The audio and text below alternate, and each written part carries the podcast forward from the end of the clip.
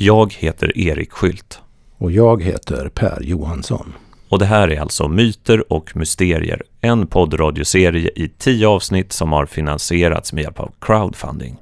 Ja, det betyder att 149 personer tillsammans har samlat in över 100 000 kronor. Vilket gjort det möjligt för oss att producera de här programmen. Innan vi drar igång dagens avsnitt skulle vi därför vilja rikta ett stort tack till alla er som trott på vår idé och valt att stötta oss. Vi är er evigt tacksamma. Vi vill också passa på att rikta ett särskilt tack till våra toppdonatorer, vilka är Friendly Development Group, Eva Schwarz Grimaldi och Stefan Hyttfors.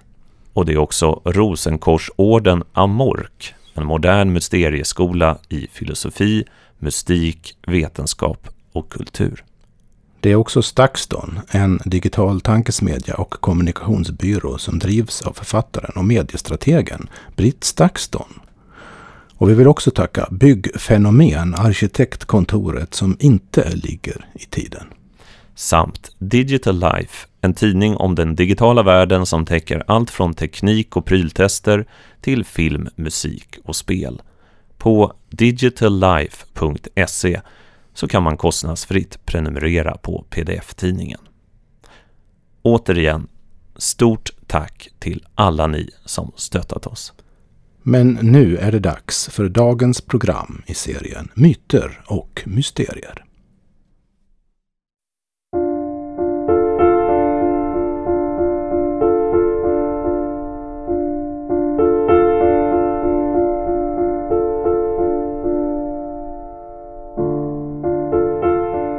Tänk dig att du befinner dig på strandkanten vid ett stort hav.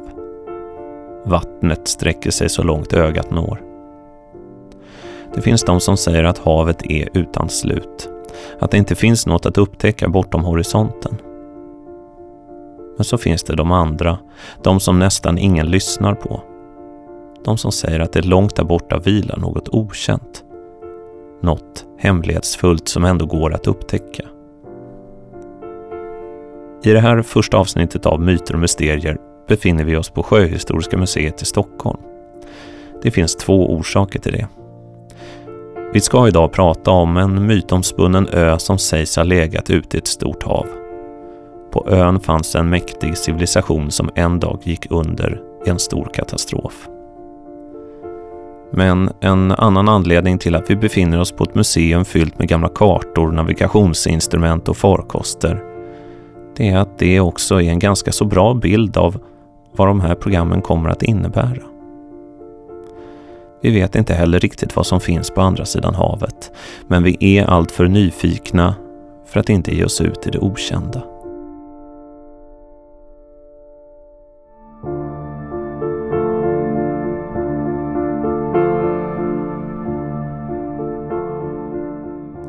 Tillsammans kommer vi därför bege oss ut på en resa som ska föra oss från den antika världen fram till idag. Det vi letar efter kanske skulle kunna kallas för en hemlighet. En ännu svagt skimrande tråd som löper genom den mänskliga historien. I dagens avsnitt tar vi avstamp i den gamla myten om ön som sjönk i havet. Egentligen finns det bara två korta källor till den här berättelsen. Det handlar om två dialoger av den antike filosofen Platon. Den ena heter Timaios, den andra Kritias. Båda skrivna ungefär 360 år före Kristus. Du lyssnar på Myter och mysterier som idag har rubriken Atlantis. Eh, eftersom det är en dialogform det här som alla, praktiskt taget alla bevarade skrifter av Platon, så en, är det en person här nu då, i den här Timaios-dialogen, om vi tar den först, som heter Kritias. Och han säger så här vid ett tillfälle med anledning av en diskussion de har som vi inte behöver gå in på. Eh, så nämner han att han har hört en historia om just Atlantis, eller där Atlantis spelar en roll i den här historien. Det har han hört av sin farfar. Och hans farfar i sin tur har hört den av sin far. Och denne farfars far, han var god vän med en man som hette Solon. Och Solon i sin tur Han var en gång i Egypten. Och där har han hört den här historien från en egyptisk präst. Så det här framstås, alltså temp, präst i något av templen i Egypten. Och, och han, han, det här framstår alltså som en återberättelse av en, någonting som den här Solon har hört så att redan i Egypten. ja. Och om det här är skrivet på 360-talet och det, det berättas av en person som har hört av sin farfar, som har hört av sin far, som har hört av Solon, som har hört av en egyptisk präst, så kanske man kan komma ett par hundra år tillbaka i tiden ytterligare då. Så säg att, säg att om, vi, om vi tar det här för sakens skull nu då, ett, på allvar, att tidsangivelserna här, att det fanns faktiskt var en verklig egyptisk präst som berättade det här för någon som hette Solon för länge sedan. När berättades detta? Ja, det kanske berättades någon gång på 500-talet säger vi. Att, före Kristus. Så att redan för Platon så var det en oerhört gammal historia? Ja, oerhört gammal är väl att ta i. Men ja. det är ungefär som om vi skulle höra någonting från 1800-talet. Ja, just det. Vi hör någonting från... Ja, men... Min farfars far kände någon som hörde berättas för sig. Ja, just det. Det är ju någonting... Ja, På 1800-talet någon gång. Ja, precis. Det är ju som att höra någonting om Napoleon. Ja, kanske, någon... ja kanske lite senare. Ja. ja. Men ungefär så. Eh, så det är liksom det vad ska vi säga, berättelsemässiga interna tidsperspektivet i, i den här eh, dialogen till Majos. Jo, den här prästen nu då, han, han, när han pratade med Solon så befann de sig i en stad som heter Sais, ett distrikt med samma namn. Och så påstås det här då att i Sais så hade man, eh, Sais hade grundats av en gudinna som hette Neit.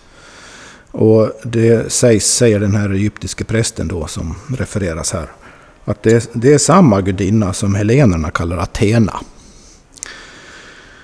Och, och, och, och sen sker det en, en märklig vändning här, för inled, inledningen, anledningen till hela historien är att helenerna, alltså de, det vi idag kallar de gamla grekerna, påstås ha glömt sin egen äldsta historia. De känner inte till den längre, men i Egypten är den bevarad.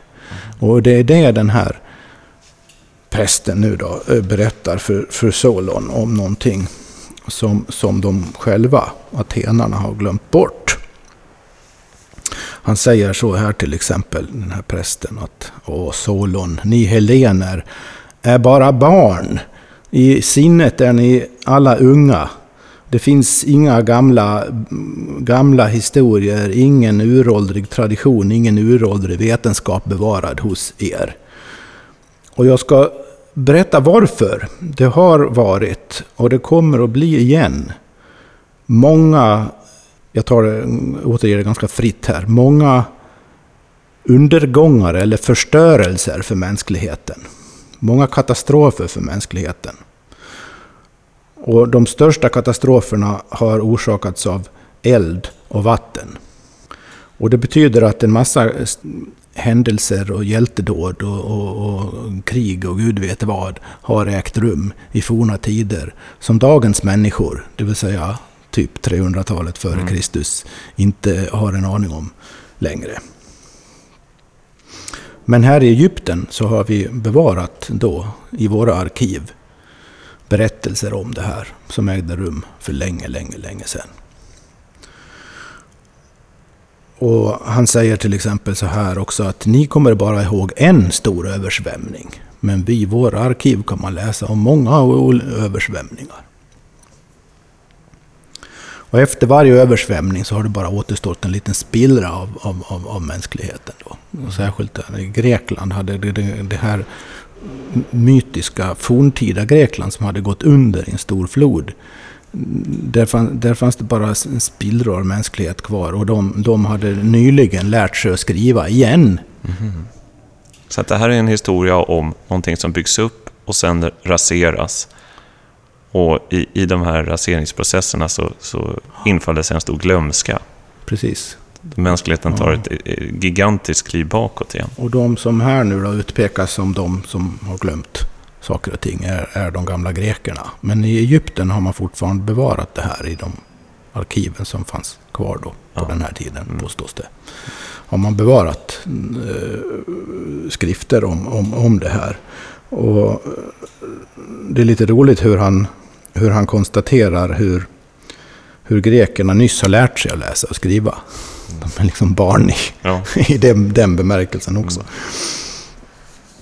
Ja, men vad är historien här nu då? Jo, före den här sista stora översvämningen så eh, var Aten också en, en, en makt att räkna med. Men det här var alltså ett Aten som fanns innan det Aten vi känner till. Och innan det Aten Platon kände till. Och hans dialogpartners här nu. Just det, och det är det som- Sokrates, rättare sagt, dialogpartners. Just det, och det är det som är viktigt att hålla i huvudet hela tiden. Att, Ja. att det, det Platon beskriver är för honom. Vi tycker ju Platon är otroligt gammal. Ja, precis. Men det här är någonting som han i hans värld är det han beskriver här. Ja. Också otroligt gammalt. Ja, precis. Och inte nog med det, det är väldigt gammalt även för den här egyptiern som berättar det. Just det, just det. Vi kommer till det. Jag kan nämna det direkt förresten, för det kommer ganska tidigt här i, i, i dialogen. Eh, apropå den här gudinnan som, som grundade båda städerna, Sais och Aten. Alltså det förhisto- för, förhistoriska, uråldriga, bortglömda Aten. Eh, hon sägs ha grundat det här ur-Aten tusen år innan det egyptiska Sais grundades. Och enligt arkiven i Sais så grundades den staden för 8000 år sedan. Oj, Det vill säga för oss 11-12 tusen år sedan. det är väldigt, det är väldigt länge sedan. Ja, det kan man ju lugnt påstå. Ja. Och, och så säger den här prästen då, det är många underbara dåd som, som finns uppskrivna här i våra, våra his, historier, i våra arkiv.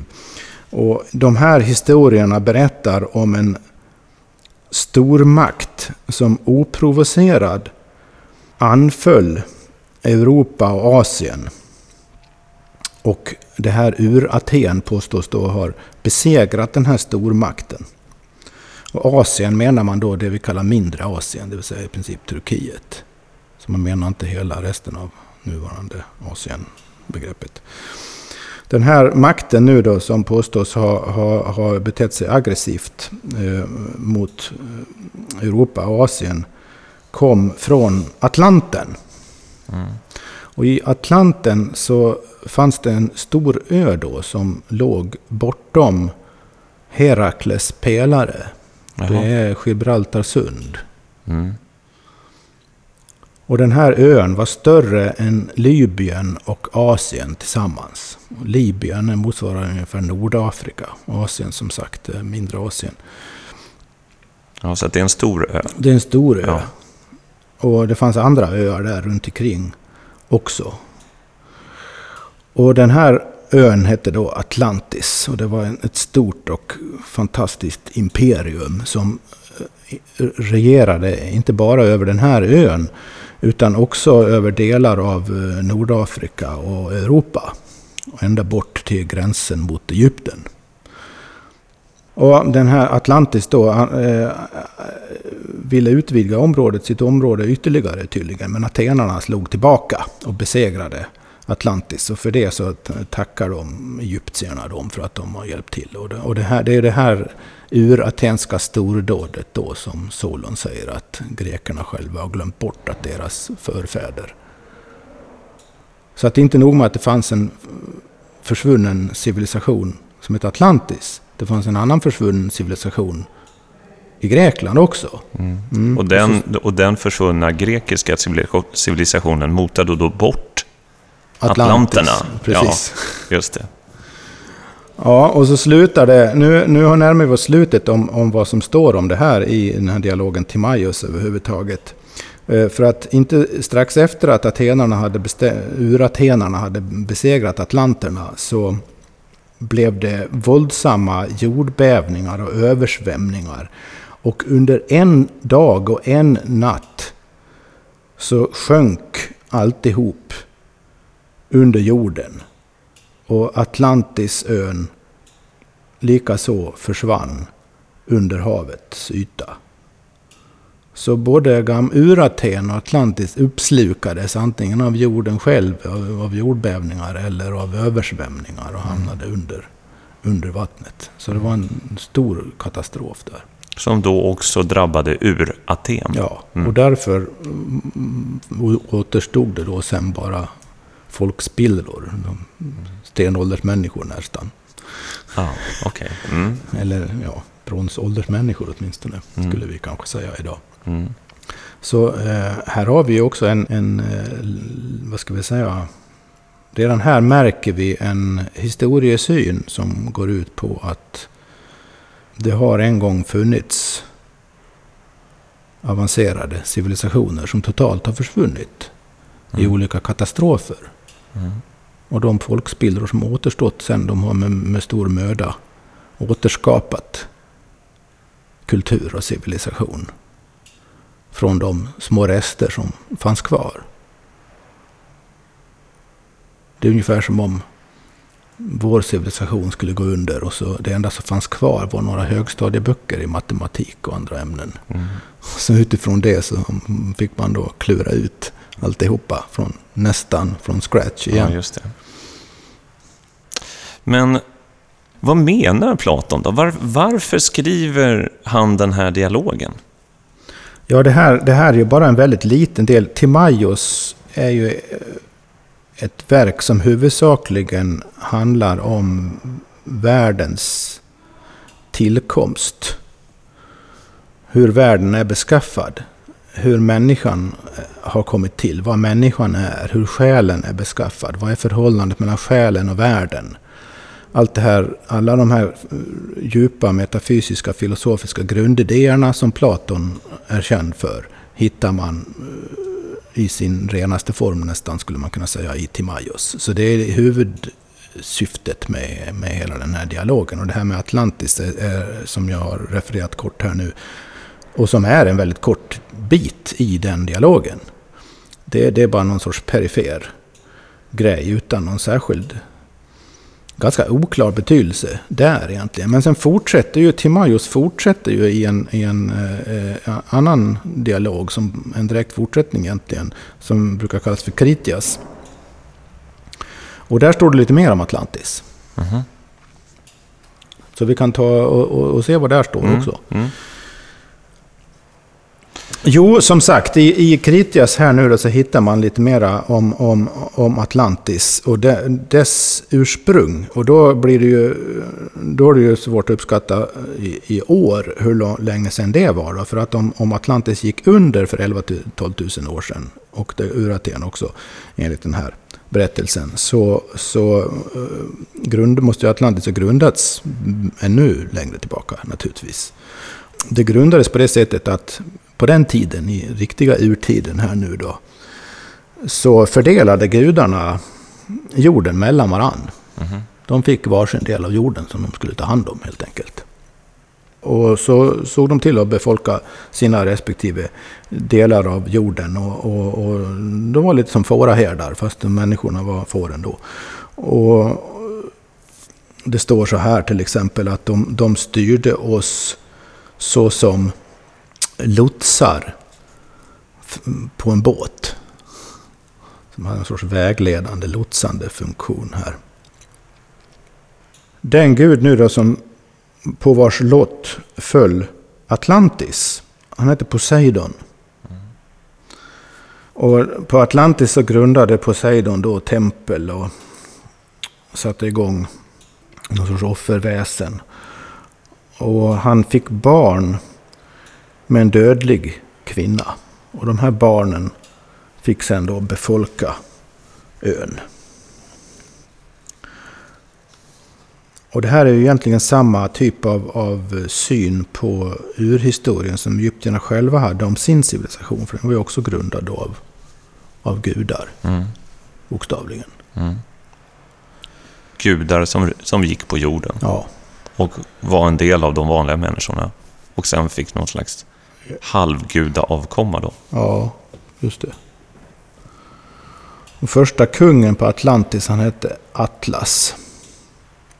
Och därav namnet Atlanten Mm. enligt Platon. Mm. Ja, eh, så Atlas och hans ättlingar de, de, de regerade där på, på Atlantis och som jag sa innan också eh, så småningom över stora delar av Nordafrika och Europa. Ända bort till mindre Asien. Och de, de var oerhört rikt det här då.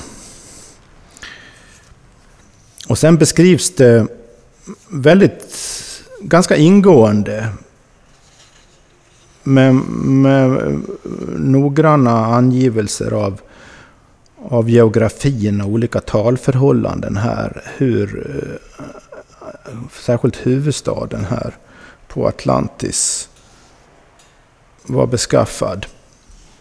Och det beskrivs eh, Poseidons eget tempel, hur det såg ut. Och jag ska inte referera allt det. Den som är intresserad kan gärna slå upp det och läsa. Det, det är ganska detaljerad och, och, och till synes objektiv beskrivning med olika avstånd och, och, och sånt. Och, och vad, vad, som fanns där. Och så mitt i alltihopa så kan man hitta sådana märkliga påståenden som mitt på ön vid Poseidons tempel där samlades kungarna var femte och var sjätte år. Alternerande, vad det nu betyder. Så antingen var femte eller var sjätte, eller var femte och var sjätte mm. år. Och så står det på det sätt så hedrade de lika mycket de udda och de jämna talen. Mm. Här kan man ju ana att det finns någon ja. symbolik bakom det hela. Ja, det. Som, som det kanske egentligen handlar om alltihopa. Aha. Och så, vad gjorde de kungarna när de träffades då? Jo, det fanns tjurar där som fick gå fritt i, i templet. Och de tio kungarna som de lämnades ensamma i templet och efter att de hade bett till guden Poseidon att han skulle fånga det offer som var acceptabelt för honom så jagade man de här tjurarna utan vapen, men med stavar och snaror. Och den tjur som man fångade, den ledde man upp till en viss kolonn och så skar man halsen av den. Så att blodet rann ner på någon helig inskription. Mm. Det är en väldigt detaljerad beskrivning för någonting som då ska ha skett i urtidernas urtid. Ja. Överhuvudtaget är det en väldigt detaljerad, och till synes saklig beskrivning, men med vissa sådana egendomliga symboliska inslag då som, som antyder att det kan röra sig om något annat här än, än, än bara någon sorts geografisk beskrivning å ena sidan och historieskrivning å andra sidan. Så står det också om uh, att, Atlantis, uh, det grundades ju av guden Poseidon och, och de första kungarna där var halvt gudomliga själva. Men, men ju, ju, längre tiden gick desto mer uppblandat blev det gudomliga blodet med mänskligt blod. Då. Och ju, mera, ju mindre gudomligt blodet blev desto mer degenererade hela samhället. Till slut så blev det bara de sämre sidorna av den mänskliga naturen som tog mm. över, kan man säga. Och till slut blev det så illa att Zeus, gudarnas gudare, han, han eh, sammankallade ett möte med alla gudarna när de skulle bestämma Atlantis öde. Och så står det så här. Och när han hade kallat dem tillsammans allihop så sa han som följer. Och så slutar dialogen där. Mitt Nej. i en mening. Nej. Så Platon ska, ska vara klar där. Men, men tror man att han blev avbruten eller, eller var det här ett dramaturgiskt knep ja, från Platon? Det finns det naturligtvis mycket diskussion om bland Platon-forskarna. Ja. Varför slutar det här mitt i en mening? Ja. En vanligaste uppfattningen är kanske att alltså, Platon grundade akademin i Aten. Mm. Och hans efterföljare där, den levde ju vidare sen under lång tid. Eh, hans efterföljare där betraktade ju hans skrifter då, var allt som hade, de kunde bevara av hans hand ja. som, som av, av, stort värde naturligtvis. Ja. Så därför bevarades även den här oavslutade dialogen, fast Platon själv kanske inte tyckte att det var så mycket att ha egentligen. Nej, Särskilt kanske... inte den här sista då. Alltihop tyder på att, eftersom det är bara på två ganska korta ställen i hela de bevarade skrifterna av Platon som Atlantis är med överhuvudtaget, så alltihop tyder på att Platon var Atlantis inte egentligen särskilt viktigt viktigt överhuvudtaget. Nej, det kan ju ha varit så att Platon satt och skrev det här och så kände han, nej, det här var inget bra, slängde det i papperskorgen och sen så kom någon liten lärjunge där, plockade upp det här och tänkte, det här är ju bra, jag lägger det här i något arkiv. Och sen hundra år senare, det här är ju Platon som har skrivit. Det här ja, måste jag... Ja, jag vet inte, ingen aning. Men faktum är att det slutar mitt i en ja. mening och, och, och det är ju lite speciellt. Ja. Man skulle ju här kunna skulle, jag skulle kunna säga någonting om Platon. Alltså jag har ju inte läst honom i original som du har gjort. Men jag har läst ganska många idéhistoriker och historiker och ja, författare som, som har läst Platon och refererar hans tankar. Och då får jag alltid en känsla av att Platon är en person som verkligen, om, verkligen har koll på människan och vad vi är och vad vårt samhälle är och vad politik är och vad människans drivkrafter är. Och senast jag läste någon text om Platon då det handlade just om hur man bygger ett gott samhälle, då kände jag att det här är ju en debattartikel som man skulle kunna hitta i en, liksom, eh, en tidning idag. Det här är en person som otroligt tydligt skärskådar liksom, människans goda och dåliga sidor Ehm, det finns en klarhet i hans tänkande som, som har hållit genom de här tusentals år som har gått sedan Platon satt och skrev.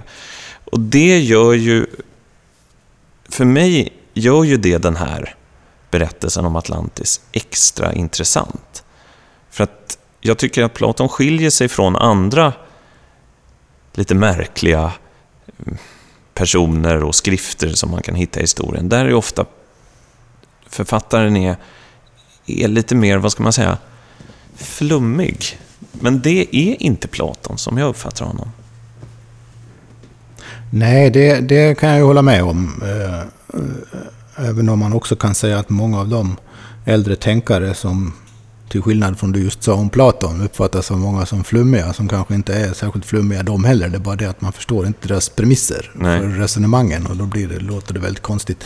Och läser man Platon original, man till exempel läser eh, Timaios här nu då, där han ju nämner Atlantis också, så tror jag de flesta skulle baxna lite grann över hans beskrivning av, av, av människan. Eh, människans ursprung och så vidare. Man måste ha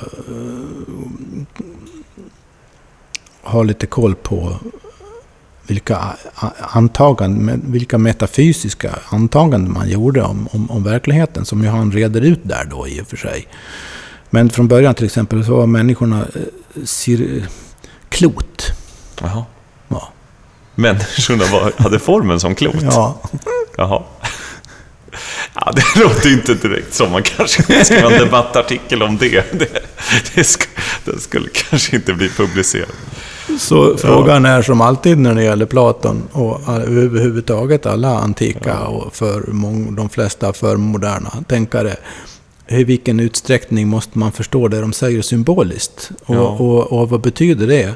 Att, att det är symboliskt. Vad, vad, mm. Alltså de hade ett annat sätt att uttrycka insikter. Mm. Andra former för det. Som gör att det, det känns ibland väldigt märkligt eh, om man inte har brytt sig om att sätta sig in i vad sjutton de kan ha menat egentligen. Ja. Eh, samtidigt så drar de ur de här, för oss, väldigt märkliga premisserna som vi kan prata mer om i kommande program i den här serien.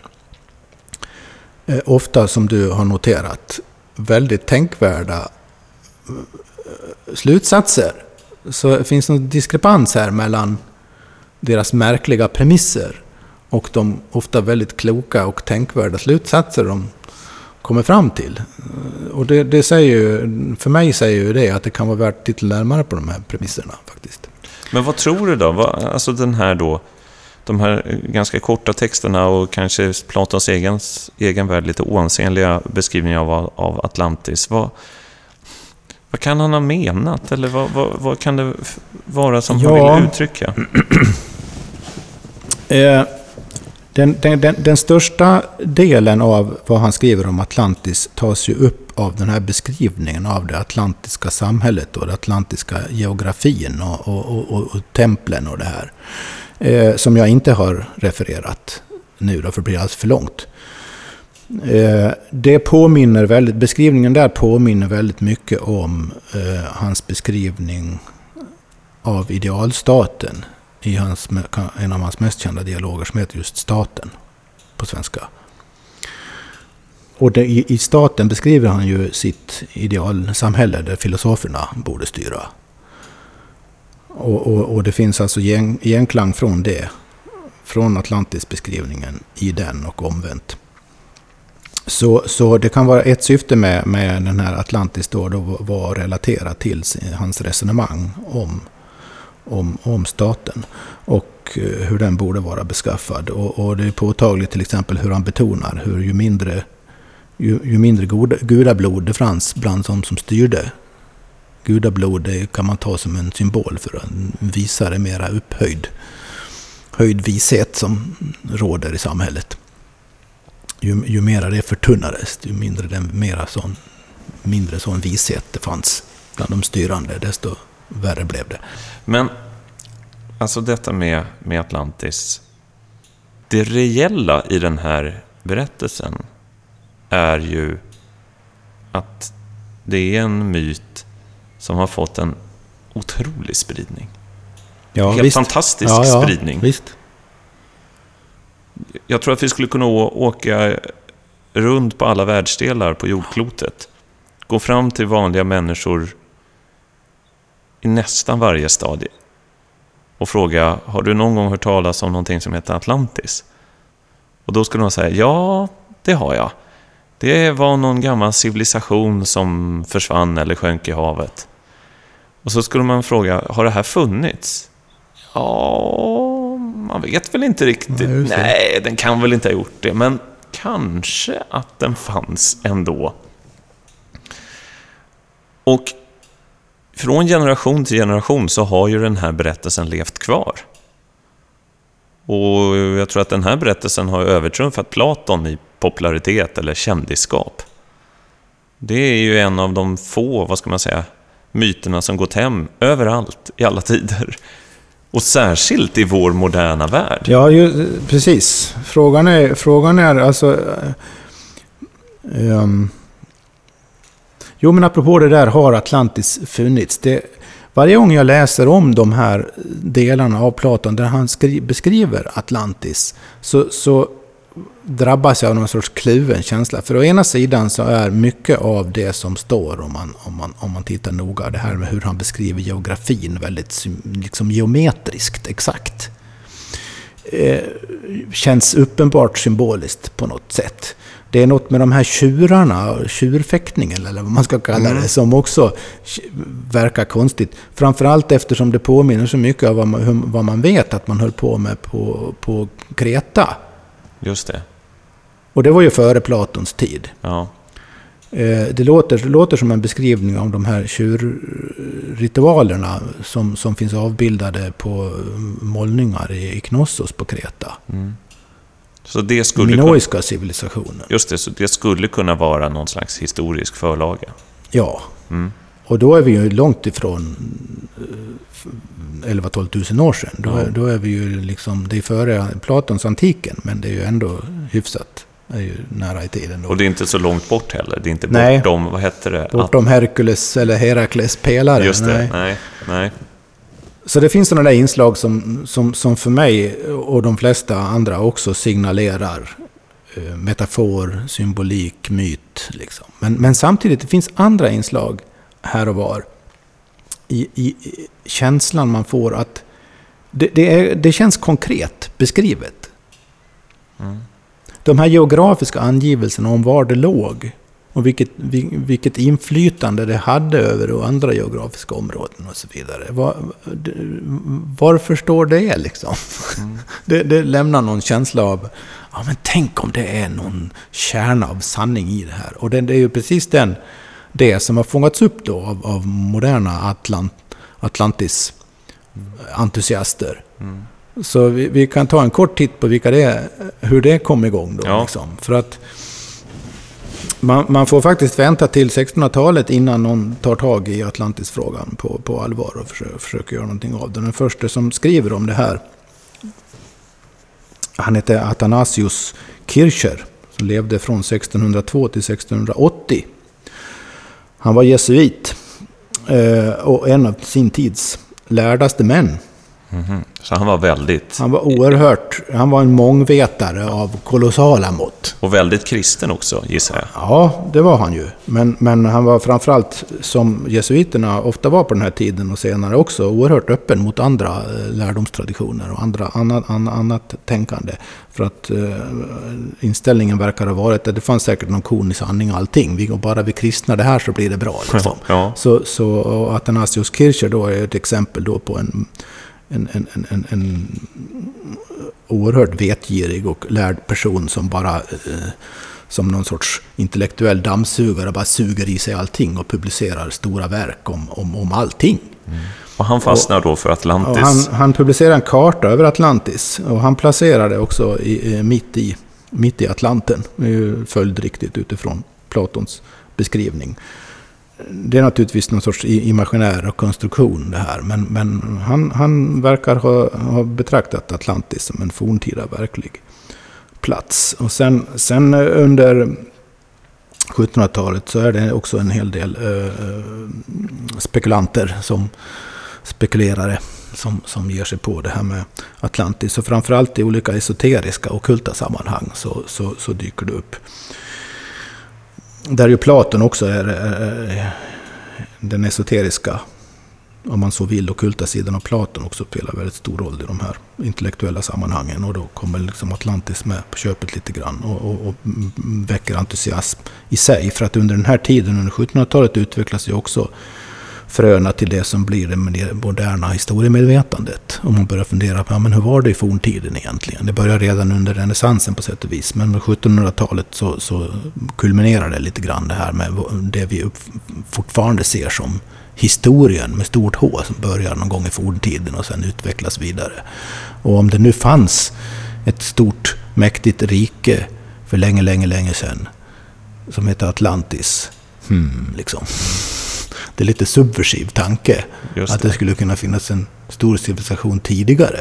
Just det, för det, det tvingar ju fram ett helt annat historieberättande som är mer liksom toppar och dalar. Ja, det vanliga det... är ju att man tänker att det finns en startpunkt och sen så expanderar och expanderar. Ja. Det finns, Eh, Roms fall är väl en tillfällig tillbakagång, men på det stora hela så, så går det ju framåt och blir mer och mer avancerat. Så eftersom tanken att det skulle eh, kunna finnas någon sån cyklicitet i historien, den är inte ortodox på 1700-talet. Den är det inte idag heller. Eh, eh, så därför är det kanske inte så konstigt att man hittar Atlantis-fantasterna mm, i de här mera underjordiska, esoteriska strömningarna. Då. Eh, mer än 200 år efter Kircher så publiceras den verkliga Atlantis-bibeln skulle man kunna säga. Det var en amerikansk senator som hette Ignatius Donnelly mm -hmm. som skrev en bok som heter Atlantis, the Antediluvian World från 1882. Alltså världen, Atlantis, världen före floden. Mm. Mm -hmm. Ja, just det.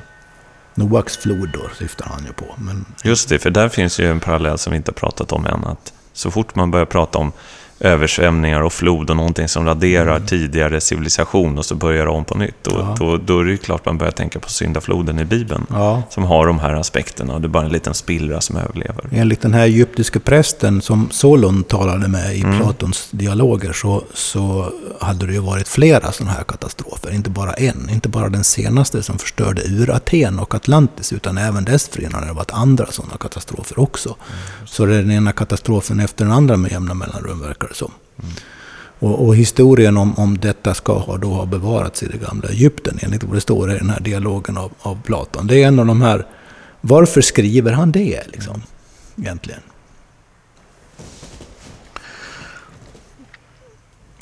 Jo, den här Donnellys Atlantis-bok, den, den eh, är liksom som vilken historiebok, arkeologisk eller historisk bok som helst egentligen. Bara det att den handlar om något som de flesta tror inte är på riktigt. Eh, han, han har en massa jämförande studier av flodlegender, av pyramider, av metallurgi, jordbruk och skeppsbygge, språk alfabeten, myter, allt vad du, han kunde hitta som på något sätt skulle kunna kasta ljus över det här. Och han, han, han eh, väver då ihop det här och påstår att alltihop, alla de här sakerna, lämningar av allt möjligt, språk och så vidare, allt det här pekar på att Atlantis i Atlanten måste ha funnits. Och efter den här boken då så formligen explorerar den här alternativa historieforskningen om, om, om den här forna Så det blir någon slags modern startskott då för ja. Atlantis-letandet till och med kanske? Precis. Den enda icke-moderna källa som finns till Atlantis överhuvudtaget är de här korta styckena i Platons dialoger. Därefter har vi den här kartan hos Athanasius Kircher. Och sen är det mest diverse mer eller mindre konstiga spekulationer. Och sen kommer Donnellys då till synes rationella, sakliga framställning om alla möjliga kulturella jämförelser som pekar på, enligt honom, att, att det kan mycket väl ha funnits mm. någonting sånt här. Och, och så, det är Donnelly som är i princip inspirationskällan till egentligen alla efterföljande Atlantis-författare. Och för den som inte har brytt sig om att orientera sig lite i den här märkliga världen så skulle nog formligen baxna om man, när man insåg hur otroligt mycket det har skrivits om detta. Mm. Så det, det, det, det, ligger ju en, en oerhörd återkommande djup fascination i det här ämnet uppenbarligen. Det, det talar av någon anledning till oss i vår kultur på ett väldigt djupt plan. Det kan man ju fundera över, hur det kan komma sig. Mest kända nutida eh, författaren i den här genren, om vi kallar det för det, han är, är väl egentligen Graham Hancock. Som, som, eh, som har gjort mycket, eh, står känd framförallt för någon sorts alternativ fornhistoria. Men jag skulle säga att om man spårar lite i, i den här lockelsen då, mm. alltså Atlantismytens lockelse, så skulle jag säga att det finns två saker. Det ena är att jag, säkert många andra, får en känsla i mötet med den antika världen att den har gått från någonting väldigt primitivt till någonting väldigt högtstående på en kort, på en kort tid. Mm. Och där så har... Jag menar, det finns ju massa, massa olika förklaringar. Men det är som att man någonstans hela tiden vill ha en liten, liten dörr öppen i sitt medvetande. Som säger att nej men tänk om det var på något annat sätt. Och det här är ju allt från, från de grekiska templen till de egyptiska eh, pyramiderna och till pyramider i, i, i, Sydamerika och Mellanamerika som också verkar ha uppstått på ganska kort tid och är e-, enorma byggen som man inte riktigt vet hur de har gått till ens. Och här finns också någon typ av tänkande som är genuint avancerat. Ett tänkande som man tycker, som man verkligen inte hittar, jag menar, vi här i stackars Sverige som bara dras med lite vikingar och lite bronsåldersmänniskor.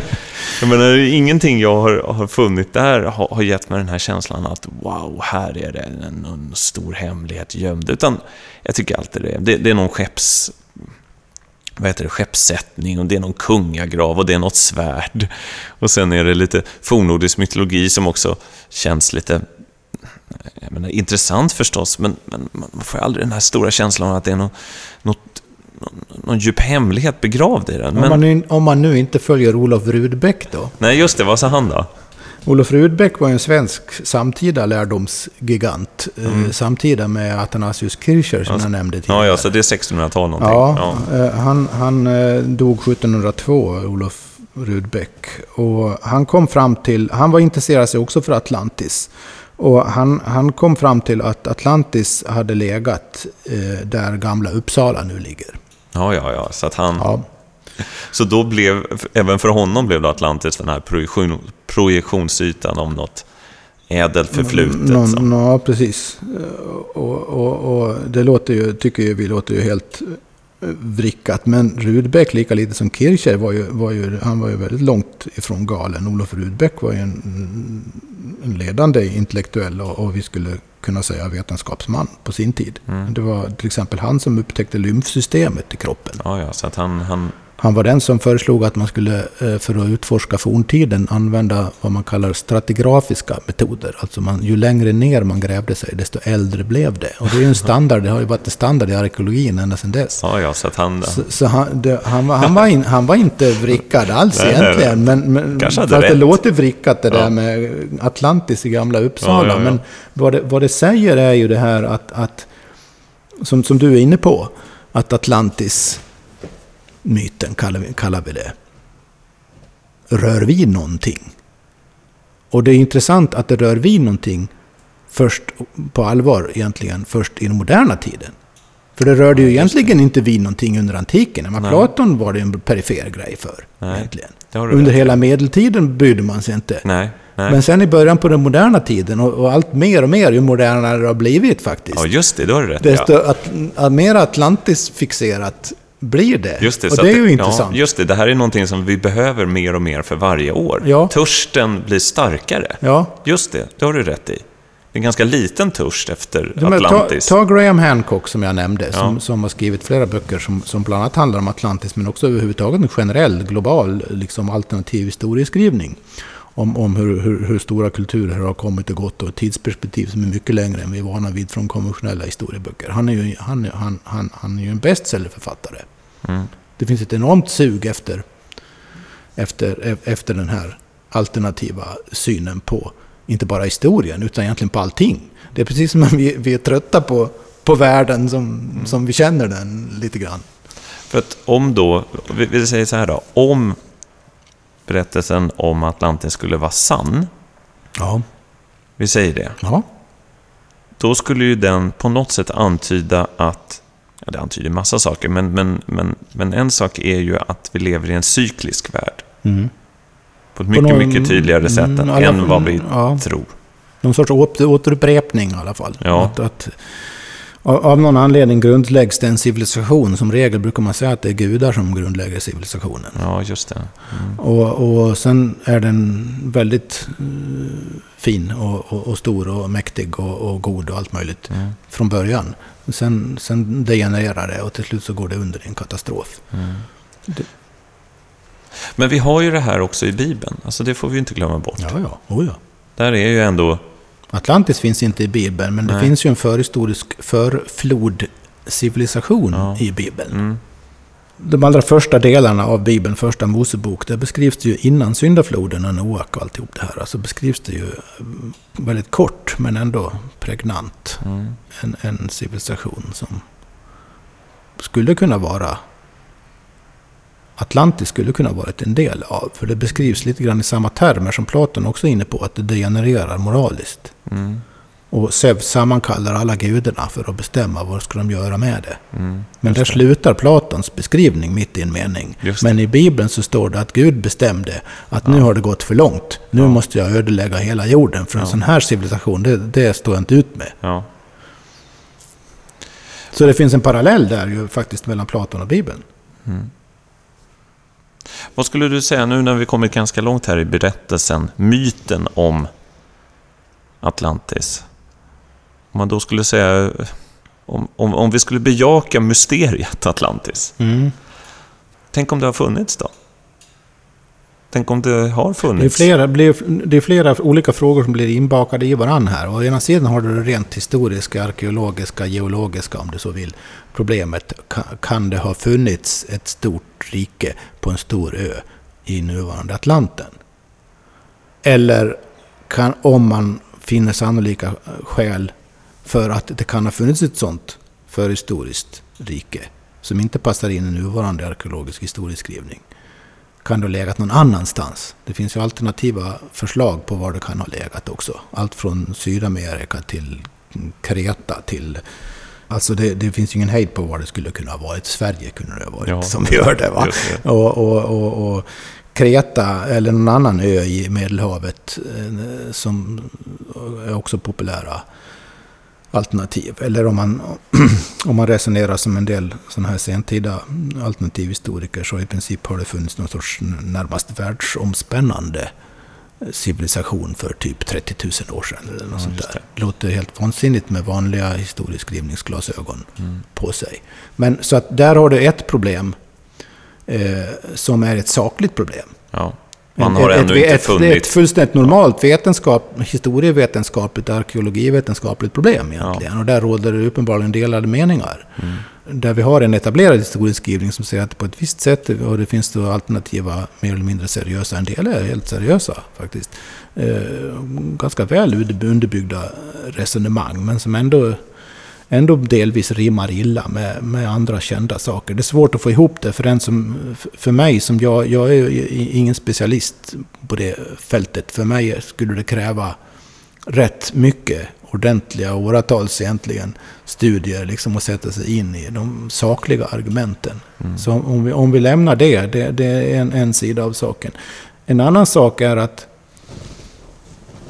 som, som väcker, tror jag, både fascinationen och upprördheten i sammanhanget har att göra med att vår historiesyn, alltså vår dagliga, vardagliga, ta för givet syn på människans historia och vad vi är, vad vi har åstadkommit, vad vi skulle kunnat åstadkomma, vad vi har negligerat, vad du vill. Alltså vår, en väldigt djup grundsyn om oss själva utmanas ju fundamentalt om det skulle visa sig att det fanns, eller ens bara att det skulle kunna funnits utmanande civilisationer som är minst lika avancerade som vår, men som det inte finns några spår av.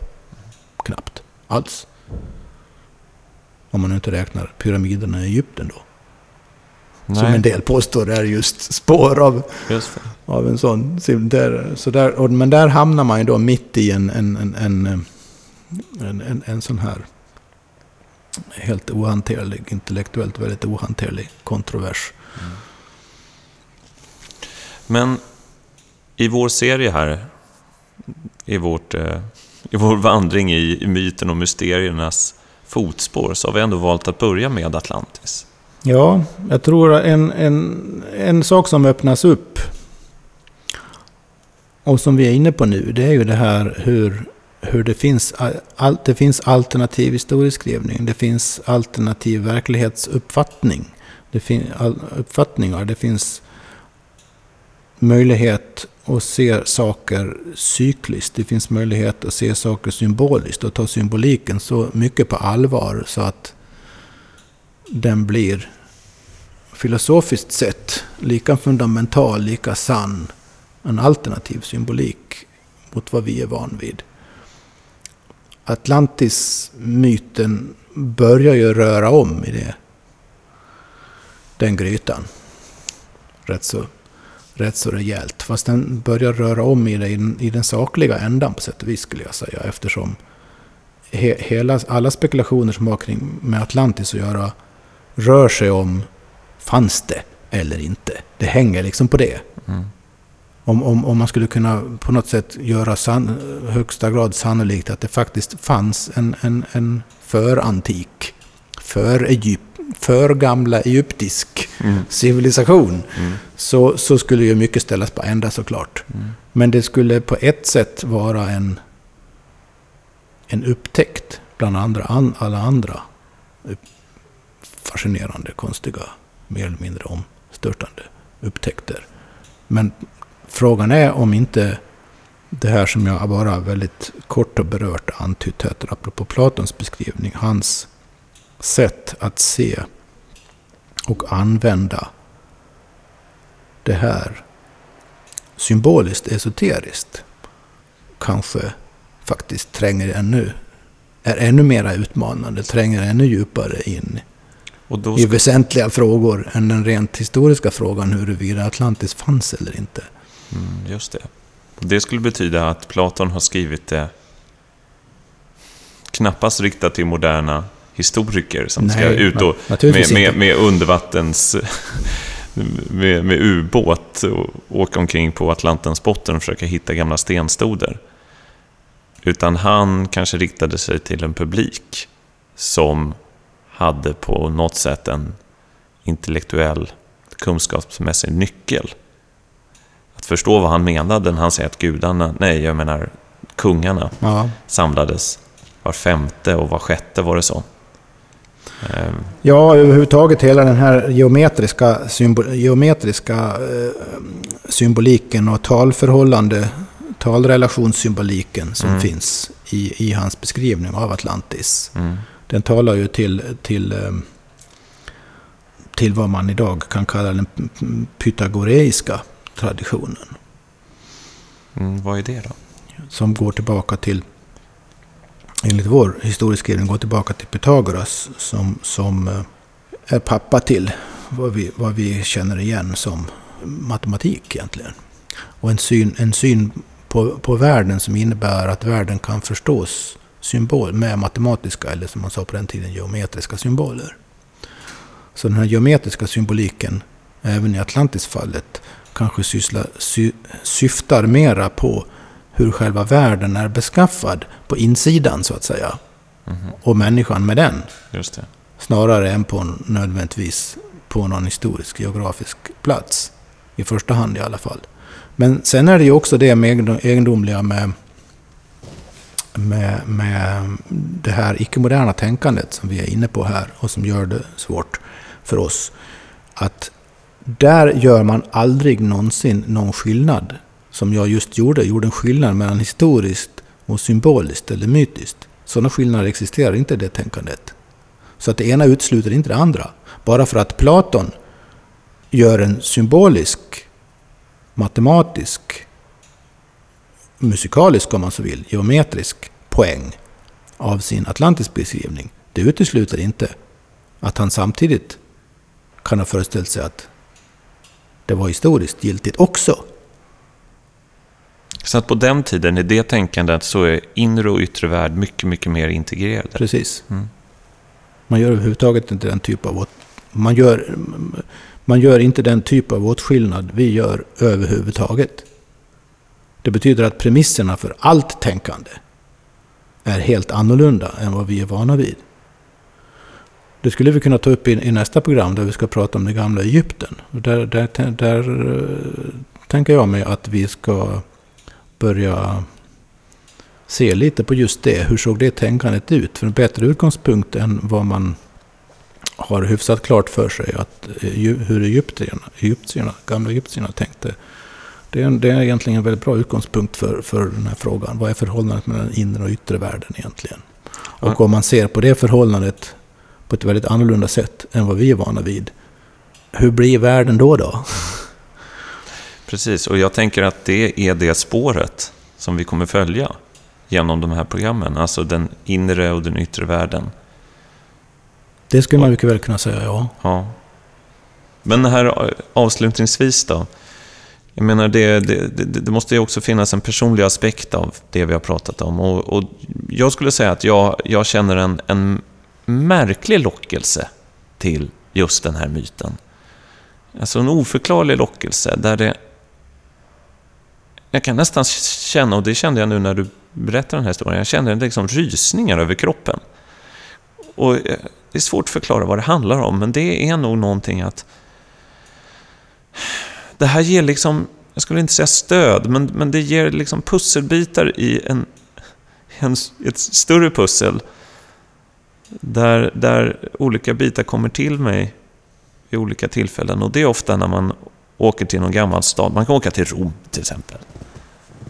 Gå in i något Pantheon där som är ett gammalt tempel som man inte riktigt visste vad, de, vad det användes till. Och så på 1600-talet så blev det kyrka och sen så är det någon slags korsning mellan kyrka och tempel idag som är ett stort, en stor, stort hål i taket, en ljusring. Då får jag en instinktiv känsla av att det är någonting som vi idag i den moderna världen har glömt bort. Det är någonting som har funnits i gammalt tänkande som var väldigt viktigt, men det har glömts bort. Och det intressanta är när du berättar den här historien att det var så Platon också kände. Han ja. delade den uppfattningen på något sätt.